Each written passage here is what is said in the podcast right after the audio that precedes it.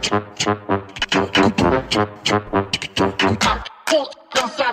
dançada, dançada.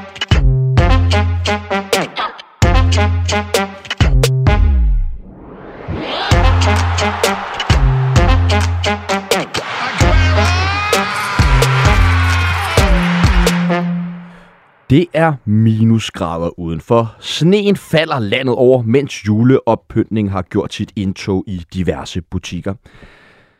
Ja, det hele emmer rigtig meget af VM-slutrunde. 12 år har verdenshistoriens mest kontroversielle verdensmesterskab, og der har ellers været det på stykker, været undervejs. Men nu ruller bolden langt om længe i ørkenstaten. Og det har været noget af en start på den omdiskuterede slutrunde, hvor absurde scener med larvede fans, afbrudte interviews, en yderst tvivlsom varkendelse allerede i første kamp, anførbindsrestriktioner og ja, ikke mindst øh, denne tale fra FIFAs præsident Gianni Infantino har tegnet et billede af en unormal slutrunde. Today I feel uh, Qatari. Today I feel Arab. Today I feel African.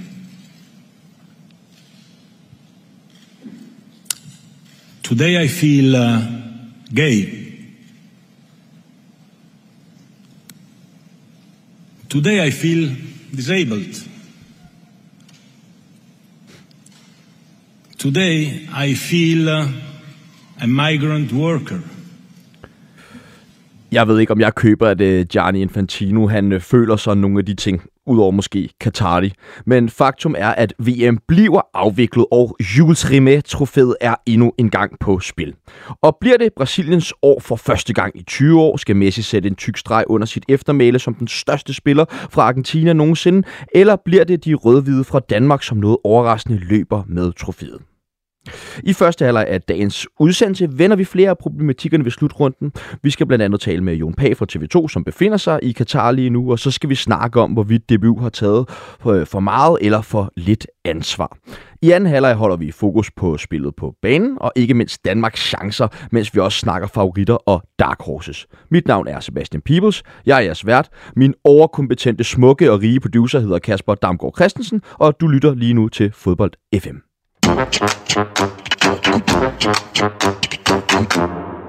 Inden jeg byder helt velkommen til vores to gæster her i studiet, så gad jeg også godt lige høre jer, hvad tænker I om, om den her tale fra uh, Troels fra Gianni Infantino? Jamen, jamen, jeg havde faktisk svært ved at, øh, at lade være med at grine, da du spillede den lige før. øh, og, og, og, og det må man jo ikke, fordi den er jo, altså, det, det er jo egentlig sådan lidt tragisk. Men øh, det er tragikomisk, skal vi kalde det. Jeppe? Ja, jeg er helt enig, det er en parodi. Altså, dels sådan er det jo er indholdet jo håbløst. Og dels så er den jo også bare retorisk så dårligt præsenteret. De der tænkepauser, han indfører.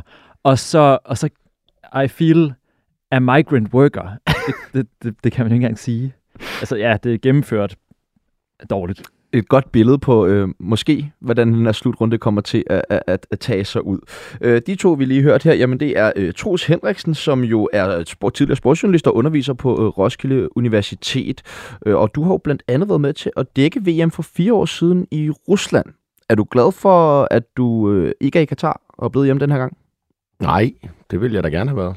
Øh, det er en, altså, når man, er, når man er journalist og sportsjournalist, så, så er det øh, noget af det, det største, man kan komme til. Det er, hvis ikke det største, det er at dække en VM-slutrunde. Øh, hvis jeg var dernede, så skulle det nok gøres lidt anderledes, end da jeg gjorde det i, øh, i Rusland, og jeg, var, jeg dækkede også øh, VM i Sydafrika i, i 2010. Øh, som også havde sine kontroverser. Uh, så, uh, så, så, men nej, det, det vil jeg da gerne have været. Gjorde du der egentlig nogen betænkeligheder? Fordi, som du selv siger det, der var jo både noget ved slutrunden i, i 2010, jo, men også i, i Rusland jo.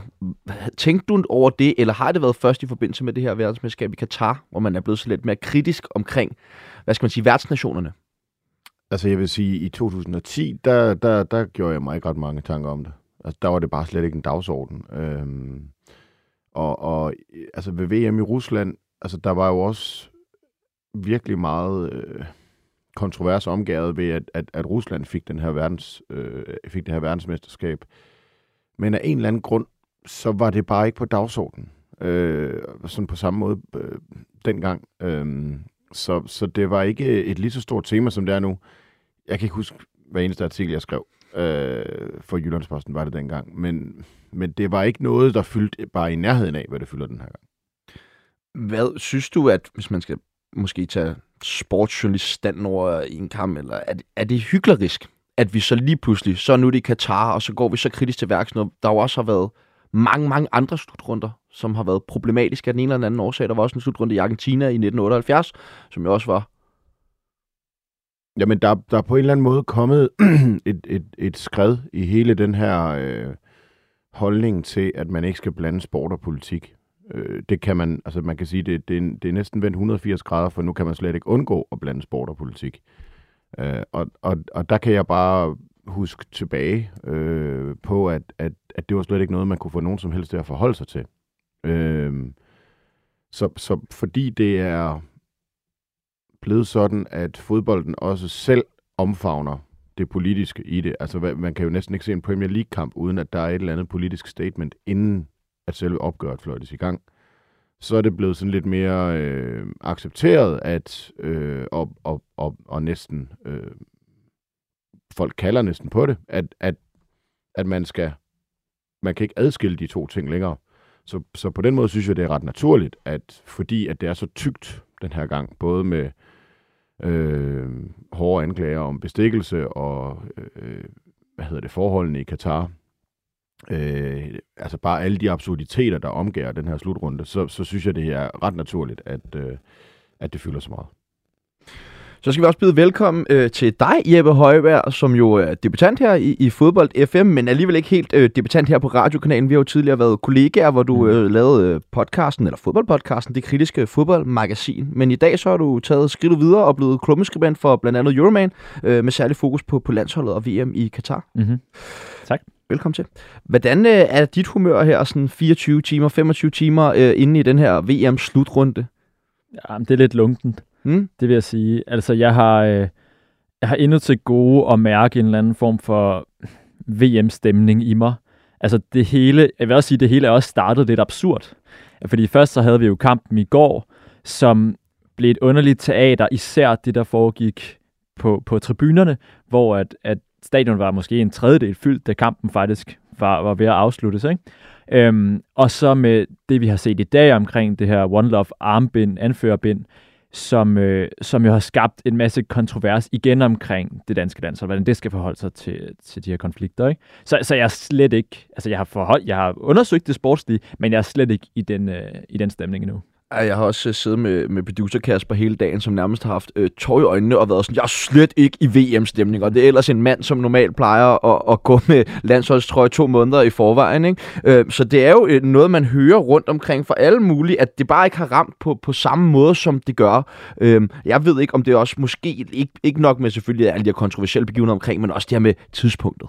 Altså, som jeg også lige øh, prøvede at, at, at komme ind på i mit oplæg, der med, det sner udenfor, det minusgrad. Man er jo vant til at stå udenfor øh, med en fadøl i hånden og sammen med vennerne på storskærmsarrangementer øh, og, og gå rundt i, ja, nærmest ingenting, ikke? Og, og, og, og se VM. Ja, og, og jeg har tænkt lidt over det der med tidspunktet, fordi fordi den kan jeg udmærket godt forstå, den der. Jeg, jeg føler den jo også selv. Nu er jeg så heldig, at jeg er freelance journalist, så jeg skal ikke op klokken 8 om morgenen på arbejde, vel? Så jeg, jeg kan ligesom godt følge den her slutrunde. Men jeg har også tænkt lidt på det med tidspunktet som et argument imod slutrunden. Det synes jeg egentlig ikke, at det bør være. Fordi det skal, VM skal også kunne afholdes måske ikke lige i en ørkenstat, men så i hvert fald på den sydlige halvkugle, ikke? uden at det har konsekvenser. Det synes, så det kan jeg egentlig godt acceptere, men jeg er med på, at det gør, at, at det er sværere at opbygge den der stemning, når det sner i morges, ikke? Men, men, men kan du ikke godt, øh, tænker du ikke også lidt over det her? Nu har vi jo set så mange skader til især også mange store profiler rundt omkring, altså, og det her kampprogram, som jeg har været så hårdt spændt for, for klubberne øh, op, op mod det her, for at kunne nå at spille den her VM-slutrunde. Og skal du godt være lidt betænkelig i forhold til, til placeringsslutrunden så? Helt sikkert, men, men det som, altså det der med skaderne, det er også lidt en skrøne. The Athletic, det, det engelske fodboldmedie, de har jo de har lavet en undersøgelse, hvor de har vist, at der er ikke flere af de her lidt længere skader op til slutrunden, end der er normalt op til en slutrunde. så, så jeg synes egentlig ikke, den dagsorden er så vigtig. Der er selvfølgelig det med, at forberedelsestiden har været så kort fra klubfodboldens afslutning til VM's slutrundens start. Ikke? Den har kun været en uge. Det tror jeg gør rigtig meget også. Det kan også gøre noget i forhold til niveauet. Men, og måske også, der kan indsnige sig en anden form for træthed i løbet af turneringen blandt de største profiler. Men omvendt, når det kommer i røven på en lang sæson, en VM-slutrunde, så er der også den her udbrændthed på spil. Så, så det har jeg egentlig ikke så mange betænkeligheder ved. Jeg synes, at man skulle have lavet der være et lidt større hul imellem klubfodboldens afslutning og så starten på VM, fordi det havde gjort fodbolden bedre simpelthen. Hvis de har haft to, to og en halv uge, tror jeg, det havde styrket slutrunden. Nå, vi skal til det, som vi altid skal, skulderklap og takling, og lad os starte over dig, Tro, til skulderklap. Et skulderklap går til øh, det iranske landshold, som øh, det bliver sådan lidt det politiske hjørne, men øh, som, som jo ikke sang med på, på de iranske spillere, sang ikke med på deres, øh, deres lands øh, nationalsang. Øh, og, og der er jo ikke nogen, der har fortalt direkte hvorfor, men øh, det er rimelig nemt at, at gætte, øh, når man ser på, hvad der sker i Iran for tiden, øh, med de store protester dernede, øh, der er dernede for øh, ytringsfrihed, kvinders rettigheder. Øh, så, øh, så der var der i hvert fald en, en flok fodboldspillere, der godt turde at stille op øh, med et politisk statement, der kunne få konsekvenser for dem selv. Er meget befriende i forhold til alt det her, man har snakket om, og så alle dem, der trækker sig fra anførbinder, som vi også skal snakke mere om senere i programmet, men er der ligesom er nogen også hele vejen rundt på tribunerne, så man jo også masser af iranske fans med de her protestskilte øh, og så videre. De skulderklap røg der, kunne jeg næsten fornemme på dit Ja, udbrud. det. øh. Jeg, var, jeg er helt med på Troelses der. Den, den, øh, den er oplagt. Altså, man, man kan jo ikke forestille sig, hvor stor en risiko de faktisk løber, de her spillere. Både personligt, men det er selvfølgelig også i forhold til deres familier. Altså, det her er på ingen måde et gult kort, de får af styret. Der kan, der kan ske det, det, der er meget værre, ikke? Så, så det er enormt modigt. Altså, altså, hvad kunne man ellers? Et skulderklap. Jeg synes, en af Valencias mål i går, hovedstødsmål, det var da formidabelt. Det er en helt anden grøft, ikke? Men, men det var et smukt Det skal mål. også med, for det er tager jo vi også en del af det. Øh, skal vi så ikke også tage dit, skal vi tage dit skulderklap nu, ved at ved dig, Jeppe? Eller, Det er det samme. Dit Takling, undskyld. min takling. Min takling er helt klar til, til de landsholdsanfører, altså nu kan vi i hvert fald tage Harry Kane og Simon Kjær, ikke? som vælger ikke at tage det her One Love armbind på i morgen, fordi at det vil blive sanktioneret med et gult kort. Altså jeg synes, det er, jeg synes, det er patetisk. Jeg synes, den optakt, den måde, som DBU har talt om sig selv og de aktioner, man vil føre ud i livet i Katar, når man først kom dertil. Altså, de har jo nærmest gået og brygget på det her, så vi kunne blive forvent, altså forventningerne kunne tårne sig op omkring, hvad de så vil gøre, når de kommer derned, ikke? Og så viser det sig så, at de aktioner, de er villige til at føre ud i livet, det er konsekvensløse aktioner. Altså, det er kun aktioner, som skal bifaldes af FIFA. Og det, er jo, det gør jo også, at en protest nærmest ikke kan betragtes som en protest. Fordi en protest er nu engang ikke særlig slagkraftig, hvis det, man protesterer imod, skal, skal godkende den, før det kan ske. Ikke? Så altså, jeg synes, det er helt patetisk. Og, og hvis de er så bange for, at Simon Kjær skal have det gule kort, og, fordi han jo nu engang kan få et andet som midterforsvar, så, så giv det der Til armbøn til Smeichel, præcis. Det, det kan måske mildne mit humør lidt. Vi, vi skal snakke mere om, øh, om armbindsgate øh, lidt, lidt senere i, i her i første time af programmet. Troels, en takling? Øh, ja, men det må så blive til... Øh, nu sidder vi jo her øh, mandag øh, og klokken 6 og, øh, og, og laver det her, så, så det må indtil videre blive til diktaturstaternes fodboldhold, øh, Katar og øh, Iran, fordi de er jo godt nok dårlige begge to. Øh, øhm, jeg ved ikke, hvad jeg havde forventet, men, men, men jeg var sådan en lille smule overrasket over, hvor, hvor, hvor, hvor, hvor, hvor dårligt det faktisk så ud. Øh, både øh, i åbningskampen for Katar, som jo, altså kampen var jo reelt overstået, overstået øh, ret hurtigt, fordi man kunne bare se, hvor, hvor, hvor dårlige de var. Øh, og så også i dag med, med, med Iran, der simpelthen bliver skilt ad af, af England. Ja, og det var sjovt, fordi at nu sad øh, optakten, øh, der sad Mikkel, i hvert fald på DR, sad både Lars Jacobsen og Mikkel Bischof, og ellers virkelig prøvet at tale det her Iran-hold op jo, og de ligger jo også nummer 20 på verdensranglisten, og så videre, og så videre. Så jeg, jeg tror, med det indmente, så var det jo endnu mere og mere skræmmende at se det her øh, Iran-hold fuldstændig tandløst blive, blive reddet fra hinanden i, ja, i hvert fald den første time af, af kampen her. Vi skal også lige nå et par af lytternes skulderklap og taklinger. Peter Voigt Jørgensen skriver, skulderklap til de iranske fans og spillere for deres protest ved første kamp til VM. Takling til DBU-landsholdet for at respektere FIFAs beslutning om ikke at bruge det regnbuefarvede anførbind af frygt for et gult kort. De fleste spillere tager normalt gerne et gult kort for holdet kvæg professionel frispark, tidsudtrækning osv., men altså ikke for at støtte op om simple menneskerettigheder. Jesper Rune Herold Sørensen skriver skulderklap til Frankrig. Det får de brug for efter tabet af Benzema og Nkunku i samme uge. Takling til Infantino for at kalde de Katar-kritiske lande for racistisk. Det er jo helt vanvittigt.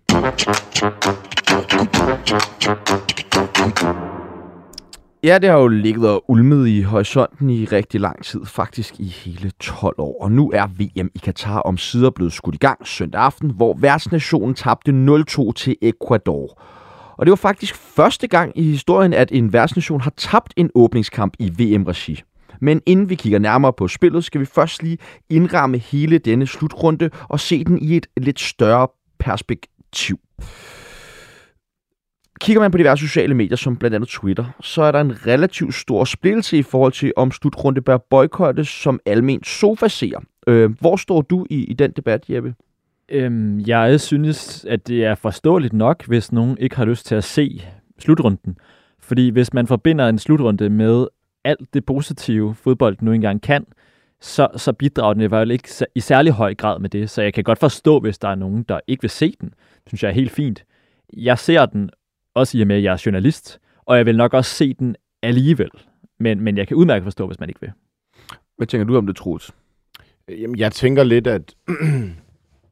Jamen altså, hvis man har røv i sine bukser, så, så bør man jo faktisk ikke sætte sig ned og se de, kamp, se de kampe, hvis man da samtidig øh, mener, at man er stor nok til at, at kritisere slutrunden for, for det ene og det andet. Øh, det kan jeg så konstatere at det, selv, at det har jeg åbenbart ikke.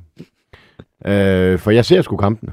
Øhm, og og, og det, det bliver jeg ved med. Øh, jeg har et par, par drenge, som jeg glæder mig til at se VM med første gang. Øh, så der er jo mange øh, ting, der, der spiller ind der. Øh, så har der jo været noget snak om, hvorvidt man kan tillade sig at tage penge fra, øh, fra Katar. Altså det vi ser øh, Brian Laudrup, øh, Nadia Nadim øh, gøre. Vi ser nu også øh, Helle thorning Schmidt være, øh, være til fest øh, dernede. Øh, og der, der synes jeg, at den er tykkere. Altså, altså det kunne jeg ikke finde på. Øh, men, men hvis man skal køre... Ja, hvis du fik 10 millioner for det. Hold nu op. ja, og det er jo en peanuts dernede jo.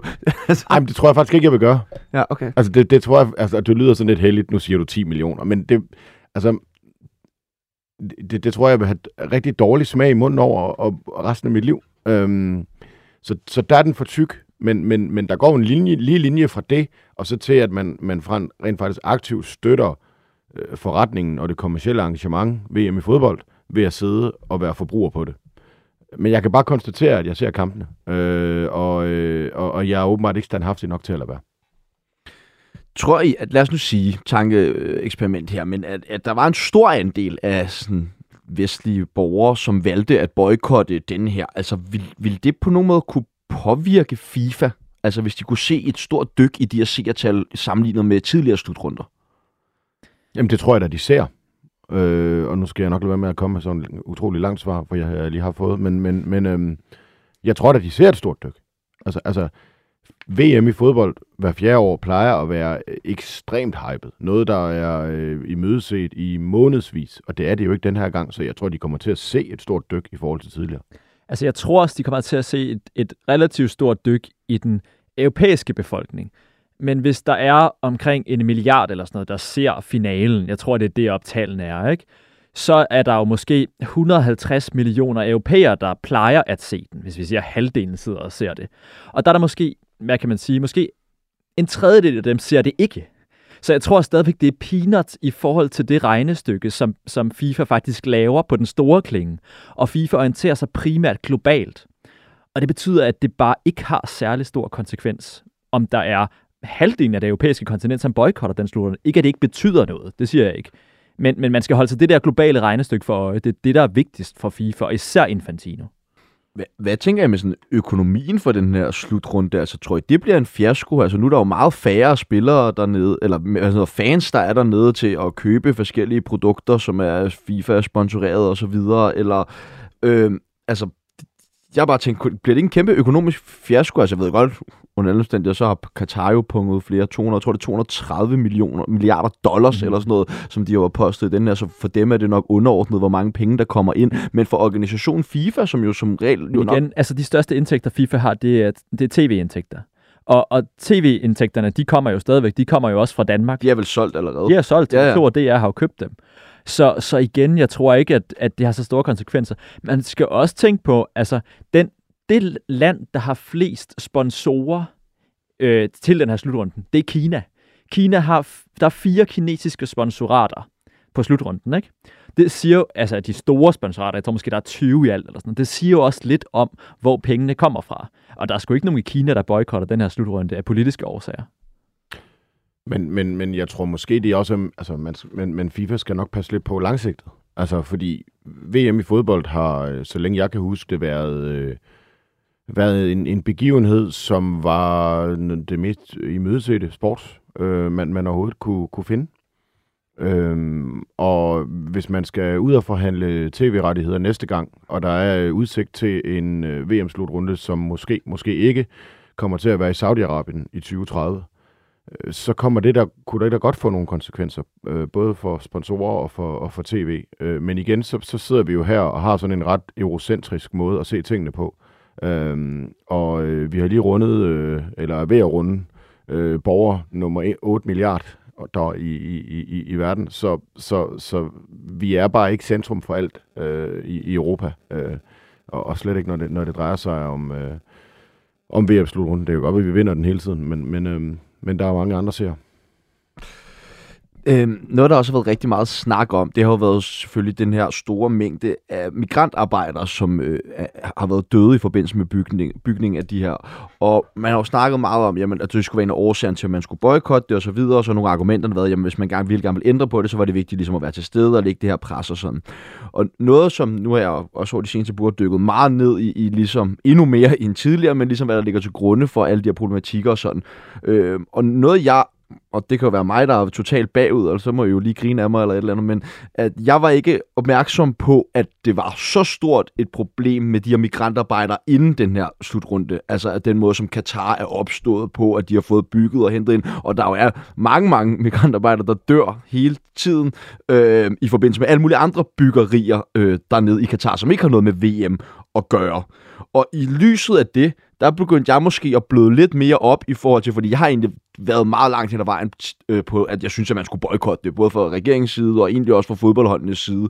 Øh, men er blevet mere blødt op i forhold til det her, man har en mulighed for at gøre en forskel, når det jo er noget, der foregår inden slutrunden. Jeg var jo lidt mere på, at når, hvis det var i forbindelse med kun VM-slutrunden, så var det jo helt forkasteligt, at man så skulle noget bakke op. Men Kan, kan vi forstå, hvad, hvad, hvad det er, hvor jeg kommer fra, i forhold til, om det måske er en god idé, at man er til stede dernede Jamen, mere der, end... Der er jo sådan, der er jo to aspekter af den der. Det er jo også sådan et spørgsmål om, hvad moral er, ikke? Altså, diplomatiets moral, altså det der med at prøve at skabe de der forandringer, er også en anden moral, end den, man kan forlange af folket, eller man, hvad man kan sige, af, af sådan nogen som os. Altså, der kunne man jo godt sige, jeg vil ikke se det, fordi jeg ikke vil finde mig i det, der er sket. Og jeg er sådan set ligeglad med, hvilke konsekvenser mit boykot, mit personlige boykot har. Fordi sådan forholder normale mennesker sig jo også til moral. Ikke? Der gør diplomatiet bare noget andet. Men jeg synes også det der med, at at der er ikke så mange, i hvert fald ifølge de officielle regnskaber, som er døde i, i forbindelse med VM-stadions byggerierne. Men det er altså ikke det samme som at sige, at der ikke er mange, der er døde i forbindelse med VM-slutrunden. For der er jo ekstremt meget infrastruktur, altså hoteller, veje og alt muligt, som ikke nødvendigvis bliver, hvad kan man sige, relateret direkte i de officielle statistikker til slutrunden. Men de der veje og de der hoteller, de er altså bygget på grund af slutrunden. Så, så det er bestemt også en overvejelse, man skal have med. Ikke? Jeg tror, at FIFA siger, at det er tre officielt, der er døde i forbindelse med stadions, og det er jo altså, det er langt ud i skoven. Altså, jeg tror ikke, man isoleret skal se det kun øh, med øje for den her VM-slutrunde. Altså, det handler jo også om den måde, øh, øh elitesport og især fodbolden udvikler sig på. At, at det er, altså at pengene øh, kommer mere og mere øh, derfra. Og, og, og om det så er Katar, eller om det er Saudi-Arabien. Øh, så det er jo et eller andet sted underordnet i den optik, at øh, det er fra, fra meget tvivlsomme steder. Øh, så, så der er man jo som forbruger et eller andet sted også forpligtet til, at, synes jeg, at, at, at, at, at vise, hvad man, hvad, hvad man dur til, altså, øh, og, og hvad man står for. Øh, men igen, så er det meget, meget nemt for mig at sidde og sige, og en lille, lille smule hult, når jeg så øh, tager hjem og tænder for Wales USA, øh, efter vi er færdige her. Øh, så, så jeg synes, det, det, det er svært, fordi det er jo det der med, at man, hvad nytter det? Og øh, det nytter måske ikke så meget, øh, men, men tingene er også bare efterhånden blevet kørt derud, hvor det er så tykt, at, at der må gøres et eller andet. Øh, så, øhm, så, så jeg ved ikke rigtig, hvor standhaftig jeg er, men, men øhm, men noget synes jeg, man, man et eller andet sted bliver nødt til at, at, at gøre som, som sportsforbruger. Men, men kan der gøres noget ved det her store maskineri? Og nu sidder vi jo også tre øh, gutter her, og du ved, som er forholdskritiske og meget inde i det, kvæg vores arbejde alle sammen, men alligevel ser det. Altså, hvad, hvad skal, og ser det også bare som et underholdningsformål. Øh, altså, så, så hvad skal der egentlig til, før at vi, vi stopper? Ja, de skal begynde at tabe nogle penge. Øh, men, men det, der godt kan ske, øh, tænker jeg, som en udleder af det her, det er også i forhold til, nu startede du med Infantinos tale, at øh, jeg kan ikke se, hvordan øh, UEFA og CONMEBOL, altså det, det sydamerikanske øh, fodboldforbund, øh, eller organisation af, af, af fodboldlande øh, i, øh, i Sydamerika, øh, kan komme ud af det her uden at havne i en eller anden konflikt med FIFA. Og hvad det så munder ud i, det kan jeg ikke sige men de bliver jo rent faktisk svinet til i går. Øh, de, de kommentarer, Peter Møller er kommet med efterhånden, øh, efterfølgende, er jo heller ikke videre diplomatiske. Men, øh, han er også en temperamentfuld herre, men... men og det klæder øh, ham. Men, men den konflikt, der i forvejen er mellem nogle af fodboldens store aktører, øh, den vil kun blive forstærket af det, vi ser her. Øh, og det kan godt skubbe endnu mere til, til den her øh, tendens, vi har set, og hele det her forsøg på, at altså fra de nogle af de store europæiske klubber til simpelthen at bryde ud øh, og, og, og sige, at, at jamen, hvorfor, hvorfor skal vi være en del af det der? Jeg vil gerne lige vende tilbage til, til den samtale om lidt, men lige nu så har vi øh, Jon Pag fra ja, TV2 med over en telefon. Hej til dig, Jon. Ja, god aften i Danmark. Ja, hvad så? Hvordan går det? Jamen, det går fint. Vi har uh, travlt. Det er også derfor, jeg lige lød lidt for frisk, fordi vi lige har fået uh, klaret en lille opgave ude på Danskernes Spillerhotel, som ligger midt ude i ørkenen. Og nu skal vi forsøge at finde noget transport tilbage til vores eget hotel, hvor vi skal lave endnu en uh, live gennemstilling. Så der er travlt, vil jeg sige. Hvordan uh, synes du, logistikken fungerer dernede, bare sådan helt overordnet? Jeg ved, der er lidt langt fra, uh, fra træningsanlægget til hotellet og sådan noget for spillerne. Altså overordnet set fungerer logistikken jo okay. Øh, de har Uber hernede, og de har mange Uber, der kommer, når man øh, beder dem om det. Men mindre man skal, øh, eller man er langt ude i ørkenen, ligesom de er nu, så er man nødt til at lave sådan nogle underhåndsaftaler med øh, de her Uber-chauffører om, at de skal komme på et tidspunkt igen, ellers så får man ikke fat i dem. Men ellers synes jeg øh, forløbig, at øh, det fungerer. Hvad, vi så jo din øh, kollega Rasmus Tandholt komme øh, i problemer i sidste uge med en live gennemstilling. Øh, kan du ikke fortælle os lidt om omgivelserne og hvordan det er at være journalist dernede? Jo, altså, vi, vi, jeg ved ikke, om det handler om, om man er journalist eller ej, fordi øh, det, jeg har oplevet nu i den uge, jeg har været hernede, og så sent som for en halv time siden, da jeg skulle ind på Spillerhotellet her, det er, at man har ansat noget, der ligner en million mennesker, og så givet dem nogle øh, dragter på, der ligner politidragter, og givet dem til opgave at tjekke os, der går rundt med sådan nogle akkrediteringer rundt om halsen, hver evig eneste gang, vi går rundt om et hjørne. Og det oplever vi rigtig meget, og det giver meget besvær. Og det gjorde det også ud foran det her hotel, hvor de så ovenikøbet også ville at vi skulle underskrive alle mulige ting, og så var jeg ved at miste temperamentet. Jeg synes ellers lige, at jeg havde vendet mig til det yber-byråkrati, de øh, har hernede. Så, så min, min oplevelse er ikke... Altså, vi har også stået med øh, kamerahold, og så kommer de over, lige snart man sætter kameraet op, så kommer de her vagter der er over det hele hernede. De kommer over og spørger, hvad man laver. Og det, er, det, det, det giver jo anledning til, når man som dansker er vant til ultimativ frihed og selvfølgelig også pressefrihed, så kommer vi jo med en anden indstilling, hvor, hvor vi jo ikke synes, at de overhovedet skal blande, os i, blande sig i, hvad vi laver. Men jeg vil sige, det vender man så, så til, at øh, det er nemmere lige hurtigt at bruge de par minutter på at forklare hvad det er, man laver, og så, øh, og så få dem af vejen på den måde. Så øh, jeg har ikke været op og jeg kan op og toppes med nogle af de der endnu. Det skal nok komme, hvis vi kender dig ret. Øh, ej, det håber jeg selvfølgelig ikke. Men øh, nu, nu taler du om, at I, I, I går med de her presseakkrediteringer rundt om halsen, men der render jo også en masse fans rundt dernede, som jo, eller masse fans er måske så meget sagt, men i hvert fald nogle fans dernede, som jo ikke har samme, hvad skal man sige, øh, spars rundt om halsen i, for, i form af den her presseakkreditering. Har du talt med nogle af dem, og hvad er deres sådan, oplevelse af, af, af at være fan dernede? Ja, det har jeg, men og de har selvfølgelig, altså det vi bruger vores akkrediteringer til, er jo primært at komme ind forskellige steder. Øh, jeg, jeg kom herned for en uge siden, øh, der var der overhovedet ikke nogen øh, fodboldfans, men det er der jo generelt ikke en uge før, øh, at en øh, VM øh, starter, i hvert fald ikke som man vil øh, se det under kampene. De er kommet nu, ikke på samme måde, det er helt sikkert, som hvis det havde været i øh, et andet land øh, i Europa eller Sydamerika eller andre steder. Men der er mange øh, også europæer, især englænder har vi bemærket i bybilledet, de virker egentlig de virker ikke som sådan indskrænket i øh, deres friheder, hvor de må bevæge sig hen og, og hvad de må lave. Altså, det må jeg bare sige. Øh, og de danskere, jeg har talt med, for mange vedkommende af dem, jeg har mødt, der er det øh, herboende øh, danskere, altså, som bor og arbejder i, i Katar. Men jeg har også mødt nogen, der, der har rejst herned. De har haft lidt problemer med øh, deres offentlige transport, som jo ikke fandtes for 10 år siden, men som de så har opfundet siden da. Øh, men ellers virker det til, at, øh, at de egentlig er meget tilfredse. Ja. Hvad, øh, altså, du har været øh, rimelig også tæt på, på landsholdet her, øh, siden du er kommet ned, og de er kommet. Øh, hvordan øh, er spillerne landet i det hele, og den her, ja, noget anderledes kultur? Jamen, spillerne er jo ligesom de nok også vil være, måske ikke i helt samme omfang, men, men, men de er jo ekskluderet ude på et spillerhotel, som jeg står ude foran nu, som sagt, ligger det uh, cirka 30 km fra Doha midt ude i ørkenen. Hvis det havde været et andet sted, som havde mindet mere om et vestligt land, ville de have haft det på samme måde, men så ville de jo godt nok have haft mulighed for at kunne bevæge sig lidt mere rundt, dog stadig uh, under kontrol af DBU, kan man sige. Så for dem tror jeg faktisk ikke, der er den store forskel i forhold til omgivelserne. Den store forskel er jo, at det indtil nu, altså siden Danmark landede, det danske landshold ikke har handlet om andet end FIFA og forholdene i Katar. Og det synes jeg ret tydeligt. Jeg kan fornemme, at de er ved at være godt og grundigt trætte af at skulle forholde sig til.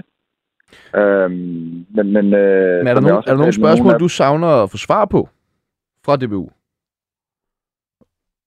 Ja, der er masser. Nu har jeg lige stået med Peter Møller inde øh, ved øh, Spillerhotellet, hvor han jo svarer på øh, den udvikling, der skete i dag i forhold til anførbindet og, den, øh, og den, øh, det projekt, de har, som hedder One Love, de kører med, med seks andre øh, fodboldforbund i Europa. Jeg synes, der er, der er mange rimelige spørgsmål, der kan stilles til det, som også er blevet øh, stillet. Og så udvikler det sig jo bare hele tiden. Øh, altså, der kom det her i dag. Forleden var det, at man ikke måtte sælge øl med alkohol i på øh, stadion efter det var det øh, Gianni øh, Infantinos øh, pressemøde, så jeg tror ikke på, at det stopper. Der er stadig spørgsmål, der kan stilles, og der kommer helt sikkert nye ting til i løbet af de næste 3-4 uger, hvor de kommer til at skulle forholde sig til de forhold, der er hernede. Nu nævnte du lige det med, der alkoholfri øl på stadion. Og Jon, der vil bare lige høre her til sidst. Har du fået en øl en, med alkohol i? Ja. ja, det har jeg. Det er meget, meget svært at få fat i, men det har jeg. Øh, skal jeg fortælle, hvordan man ja, får det her? meget, meget gerne. øh, jamen, det er jo det, det er et syret sted, fordi det, man er jo ikke i tvivl om, at øh, det her det er et øh, islamisk styret land. Øh, man kan ikke købe alkohol i supermarkeder og kiosker eller i restauranter, nogen som helst steder.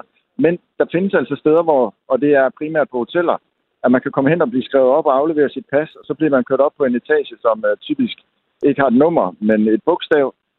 Og så kan man, det sted, hvor jeg har været, Altså, der går man direkte ind på det. Altså, når man lander på den her etage i højhuset, så går man direkte ind i det, som lige så godt kunne være en pop i Leicester. Og så kan man købe øl. Okay. okay. Ej, hvor lyder det spændende.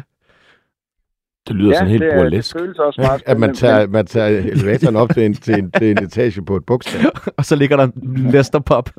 Uh, ja. Jo, tusind, tusind tak, fordi vi lige måtte ringe til dig. Uh, hvis du har tid og lyst, så vil vi meget gerne ringe til dig igen i næste uge og få en lille update.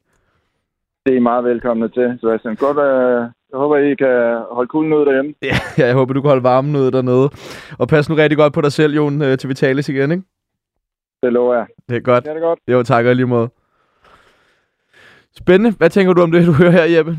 Man er vel ikke så overrasket nej, længere? Nej, det er slet ikke overrasket. Altså, det er jo også, også det der med, med elevatoren der. Altså, det er også det indtryk, jeg har af landet, ikke? Altså, hvis man ligesom finder de rigtige hjørner, så skal man nok, så skal man nok finde al den luksus og al den vestlige levestandard, som man overhovedet kan komme i nærheden af. Så, men det er bare for de få, det er jo det. Nå, inden øh, vi lige stillede om her til Jon, så var du inde på en, en ret interessant pointe, den her med opgøret mellem øh, FIFA og UEFA og CONMEBOL. Mm. Hvad, altså, jeg, jeg, der, der, der skal du øh, komme til at tænke på, altså, hvad er UEFA's rolle i alt det her, i det her FIFA-magtværk, som der jo har været over mange år nu? Altså, Øhm, den, den, den, der er jo mange facetter. Altså, altså helt fra toppen, så er det jo at tale de europæiske fodboldnationers øh, sag. Øh, men, men der er jo selvfølgelig også et diplomatisk og et politisk spil, øh, som, som foregår. Altså, hvornår er en konflikt vild? Altså, hvornår er det rimeligt, og hvornår er det, øh, hvad kan man kalde det, øh, sådan klogt at tage en konflikt. Det er det, de hele tiden skal, skal vurdere i forhold til det tab af øh, politiske forbindelser, diplomatiske forbindelser til, til resten af, af fodboldsystemet, som man vil lide, hvis man lader en konflikt øh, bryde ud i lyslue. Altså det er jo, det er jo, det er jo ligesom alt muligt andet politik. Øhm, og og der, der synes jeg bare, jeg fornemmer, at, øh, at, at, en, altså, at europæerne er ved at nå et punkt, hvor den konflikt er, er rimelig at tage.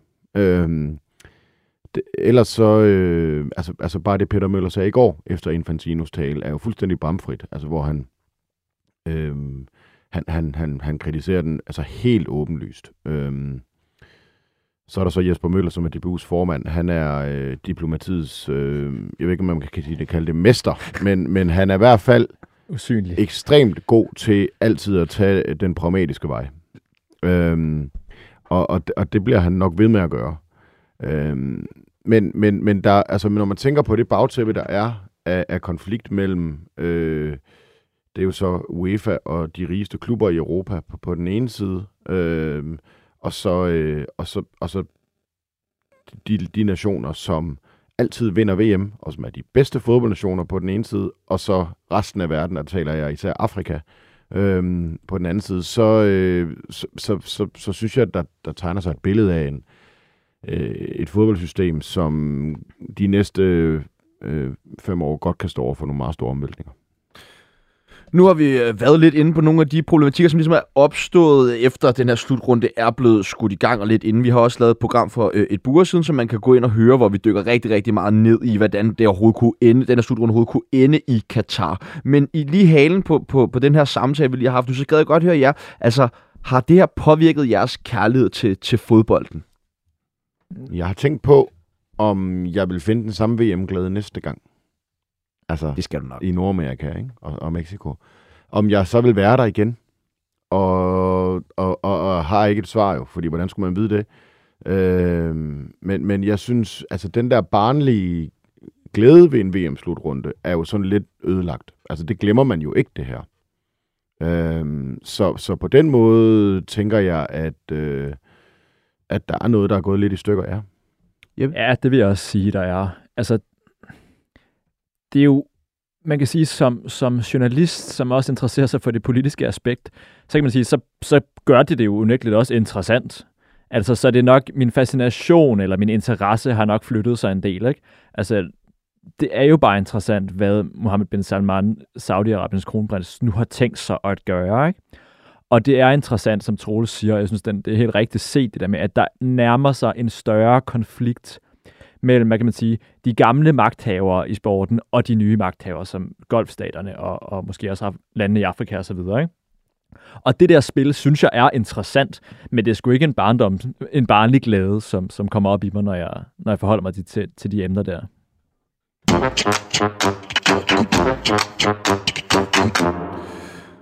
Vi har allerede taget lidt hul på, på det næste emne, som vi skal til at tale om. Men altså, vi skal prøve at dykke lidt ned i, i hvilket ansvar DBU og det danske landshold har haft eller ikke haft øh, i forbindelse med, med den her øh, VM-slutrunde. Og øh, jamen, altså, lad os bare sådan helt overordnet set, Jeppe, h- hvordan synes du, at DBU og landsholdet har optrådt i alt det her ja, hulum hej, for mangler bedre? Altså, jeg bifalder bestemt ikke den måde, de har opført sig på. Altså, som jeg sagde før, så har man fået indtrykket af i et par år, eller i måske syv år, det var i 2015, at de begyndte at, at starte det, de selv kalder den kritiske dialog, ikke? efter at have siddet på hænderne og på, på munden indtil det. Øh, men jeg synes, man har fået et indtryk af, at vi skulle bare vente og se, hvad der ville ske, når de først kom derned. Så ville vi se de her protest, protestaktioner, og nu ser vi jo ligesom, at, at de forsvinder som, som duk for solen, eller de begraves i ørkensandet, i det, at man møder modstand for FIFA og Katar. Så er der det omkring den kritiske dialog, som jeg udmærket godt forstår, og jeg forstår jo godt, at det er et sportsdiplomati, så man kan ikke bare sige, hvad der passer ind. Men jeg synes også det, vi er ved at se nu, som Troels siger, med den intensiverede konflikt. Altså, der er flere og flere, der siger fra. Altså, vi har også set, at, at, øh, at i spansk fodbold, der er Tebales, den, den øh, præsidenten der, han er i, i konflikt med PSG simpelthen åben konflikt. Ikke? Nu var der det her sager omkring Jürgen Klopp, som begynder at sige nogle ting om, omkring Manchester City, begynder at antyde, at, at de her tre klubber i verden, ikke? Newcastle, Det er jo PSG. utroligt, at det skal komme med bitterhed, ikke? Fordi det må også være et eller andet sted, at det udspringer af La Ligas præsident, der har fået stjålet nogle af sine største ja, ja. stjerner til Paris Saint-Germain. Jürgen Klopp, der ligner en, der er ved at tabe der uh, kapløb om endeligt til, til City, ikke? Og undskyld, det var ikke for... Jamen, jeg, men jeg, jeg er fuldstændig, altså, jeg siger heller ikke, at Klopp er ikke noget Nej. fuldstændig rent menneske, vel? uh, så, men, men den her konflikt, den begynder at blive optrappet. Og jeg vil simpelthen synes, det var skønt, hvis DBU var en af parterne, eller var, hvad man sige, var en af de fortalere for, at vi også optrappede den konflikt.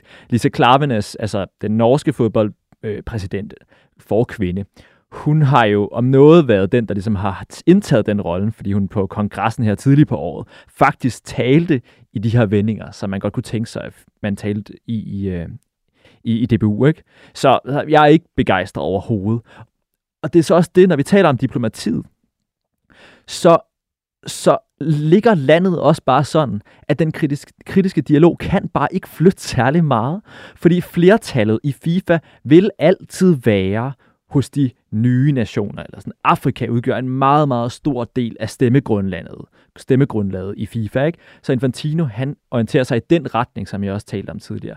Så det der med kun at gå diplomatiets vej, det tror jeg ikke til kund på holder. Det er den større bevægelse, der skal til. De mere højlytte stemmer. Og der synes jeg, at det vil klæde DBU at komme mere i offensiven. Men tror at det ikke alt, alt, alt for meget at forlange af sådan et lille land som Danmark, altså med 6 millioner indbyggere, og altså, er det ikke, skal det ikke komme fra nogle af de større fodboldnationer, og så kunne Danmark ligesom stemme i? Jo, altså ligesom under en verdenskrig, eller Nej, jeg, jeg, jeg synes, jeg bifalder den der, øhm, altså at man, at man tager et standpunkt, og man ikke netop kommer med den der med, at vi er for lille et land til at kunne gøre noget rigtigt. Øh, og øh, jeg synes, det er meget tydeligt, at DBU har, har forsøgt sig med den svære kunst, det er at, at, at, både at blæse og have mel i munden. Øh, man vil gerne høste øh, den gode omtale, øh, den gode brandværdi øh, i at sige de rigtige ting, når man lige havde læst de politiske vinde om, at når, ho, nu er det rigtigt at kritisere Katar, og øh, det var også rigtigt, at øh, spillere, og især Kasper Julemand, lige var ude og markere nogle ting, øh, som i sidste ende jo var sådan lidt gratis, fordi der var ikke nogen konsekvenser. Men den sag, der har været i dag, er jo øh, ret perfekt øh, forstået på den måde, at man skal ofte stå i et dilemma, hvor det, hvor, hvor, det er jo først, når man står i et dilemma med nogle konsekvenser, at man viser øh, sit, altså man toner ren flag. Og jeg tænker selvfølgelig på den her sag med anførbindet øh, og One Love, øh, hvor at man jo kan konstatere, at, at solidariteten med sagen om mere øh, global inklusion og, øh, og homoseksuelle og budskabet om One Love åbenbart var heller ikke var større, end at øh, man ikke vil risikere at få et gult kort for det. Altså DBU minder altså, de. Homo, altså, altså homoseksuelle rundt omkring i Danmark vil jo nu tænke, nå, mm. vores, vores sag, altså kampen for vores rettigheder, er åbenbart ikke vigtigere, end at Simon Kjær risikerer et gult kort. Sat på spidsen. Det, kan, det, det, det, det er faktisk rigtigt. Og, og, og, og det er tamt. Altså, altså det er, det var en oplagt mulighed for DBU og for Simon Kjær personligt mm. til at høste alt øh, goodwill. Fordi at FIFA vil jo tabe den, den, den konflikt 100-0 i offentligheden, hvis det Simon Kær, han fik stukket et gult kort i, i hovedet. Prøv lige at tænke så det billede. Men der havde man simpelthen ikke øh, mod nok til at sige, tag nu det gule kort for helvede. Prøv lige at tænke på, hvad du får ud af det selv. Øh, Så, så, så der synes jeg, at de taber alt på gulvet i dag, det må jeg sige. Jeppe? Altså, jeg synes, DBU minder mere og mere om en eller anden virksomhed, som engang i midt-10'erne synes, at nu skulle de også lave en CSR-strategi. Og den kom så til at hedde en del af noget større, ikke? Og så lige så snart de blev konfronteret med den virkelighed, som er, at, at alle nu engang ikke er enige i den CSR-strategi, så, så smider de den altså bare i skraldespanden. Det er det, vi ser nu. Altså, det er ligesom Hummel, der ikke vil sponsorere øh, landsholdet Tibet længere, lige så snart, at de går ind i Kina og den slags. Ikke? Altså, det er det, det indtryk, man efterlader. Men, men hvorfor skulle det være så skide svært for dem? Altså, kan I prøve, altså, hvorfor er det, de ikke tager det her gule kort? Fordi, altså, som Det er sagt, fordi- så kunne man jo bare have sat det på, på Schmeichel, ikke? Altså, hvor ofte er det en mål, man får et gult kort? Det er fordi, de er ligeglade. Mm. Er Det er jo fordi, de i sidste ende er ligeglade med homoseksuelles rettigheder. Fordi, jamen, jamen det er jo den mindste konsekvens. Altså, han blev, ikke engang, han blev ikke smidt ud. Han får et gult kort. Det er jo den mindste konsekvens, man risikerer. Og så var det åbenbart heller ikke vigtigere. Man kan jo konstatere, at Simon Kær og de andre landsholdsspillere i 2018 var villige til at risikere landsholdets EM-kvalifikation i kampen for egne sponsorerede rettigheder. Men når det kommer til den her sag, så vil de ikke tage et gult kort. At jeg synes virkelig, det siger alt. Altså, jeg synes, at spillerne har en eller anden forkvaklet, og DBU også, en eller anden forkvaklet virkelighedsforståelse.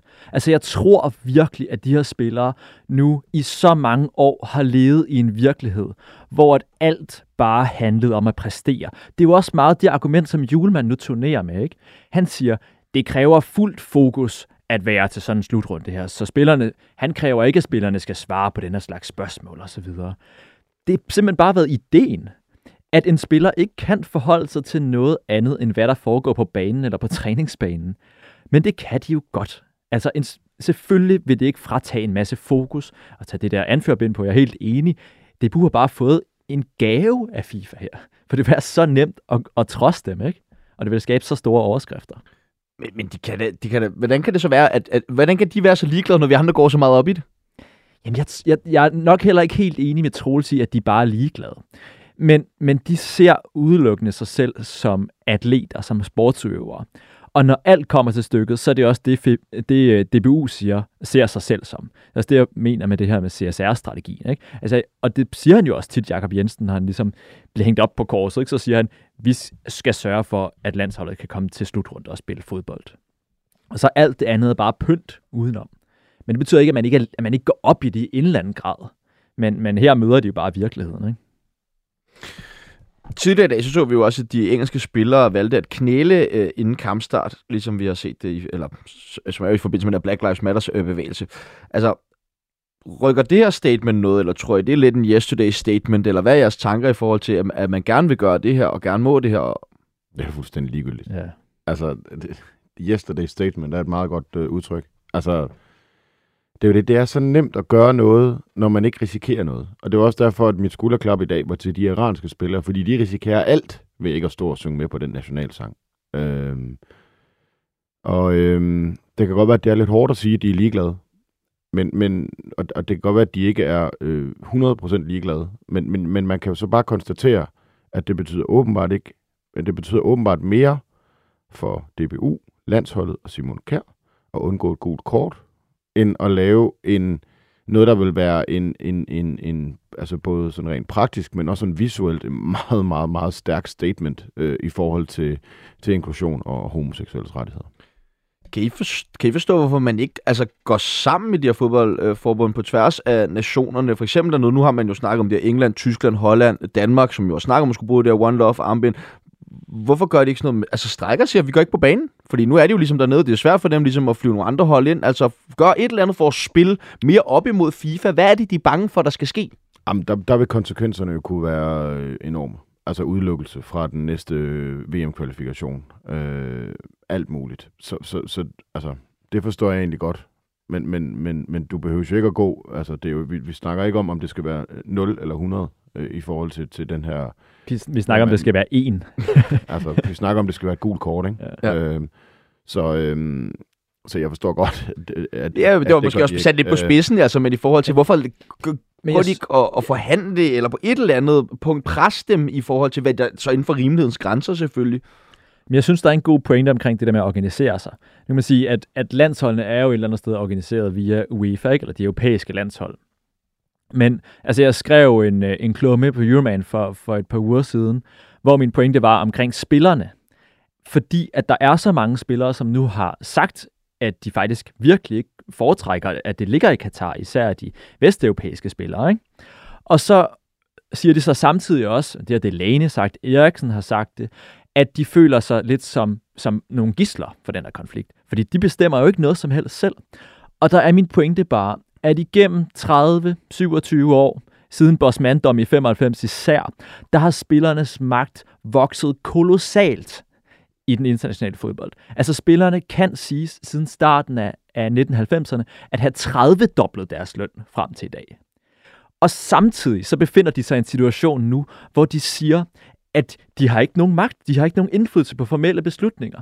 Overvej lige, hvis sygeplejerskerne havde fået 4 millioner eller 12 millioner om året, og så samt, under den konflikt, og så samtidig sagt, ah, vi, vi synes ikke, vores arbejdsforhold er gode nok. Så har folk nok også kommet og sagt, I får simpelthen for meget løn, I skulle have søgt noget formel indflydelse. Og det har spillerne ikke formået. Spillerne har ikke formået at få formel indflydelse. Og så kunne de faktisk have rykket noget, fordi de er en af de absolut mest magtfulde øh, en af de mest magtfulde aktører i, i fodboldens verden. Men det er vel fordi, altså i forhold til det, du siger, det er vel så fordi, de har vægtet pengene ja. over at få den øh, formelle indflydelse. Fuldstændig, og det er også derfor, jeg synes, det er så patetisk at høre dem tale om, at de bliver taget som gisler, eller de er ofre på en eller anden måde i den her konflikt. Dels fordi, at der faktisk er gisler, og der er ofret, og der er døde i, i den her konflikt. Men så mestens del, fordi at de kunne have gjort det. De har bare valgt pengene. Ja, og, og hvis vi vender tilbage til, altså de kunne også have gjort det, at de havde startet med Oliver Christensen på mål, og så havde lavet ham være anfører med det her armbind, øh, og så havde han ja. fået det gule kort, så havde man skiftet ham ud med, med Kasper Smeichel, som så havde fået et andet anførerbind på. Øh, det kunne man jo også have gjort. Øh, så øh, altså, der er jo mange måder at, at, at, altså, at symbolisere det her, øh, eller ikke at symbolisere det, men, men at, at vise et eller andet. Øh, men at de, de syv fodboldforbund, øh, øh, som jo er store øh, europæiske forbund, øh, så let ligesom viger og, og, og, og, og, og øh, opgiver den stille protest, det jo er. Øh, det, det synes jeg godt nok er øh, nedslående. Det blev de sidste ord her i første halvleg af Fodbold FM. Nu ligger vi som sådan snakken ned omkring baggrunden for VM, de kontroversielle hændelser og de generelle omgivelser ved VM i Katar. For i anden halvleg, der retter vi mere et fokus mod spillet på banen. Åbningskamp mellem Katar og Ecuador. Vi gør status på det danske landshold og varmer op til kampen mod Tunesien og kommer med et par påstande over forudsigelser, som jeg ved, at Troels elsker at gøre øh, mod denne slutrunde. Vi høres ved i anden halvleg. Pull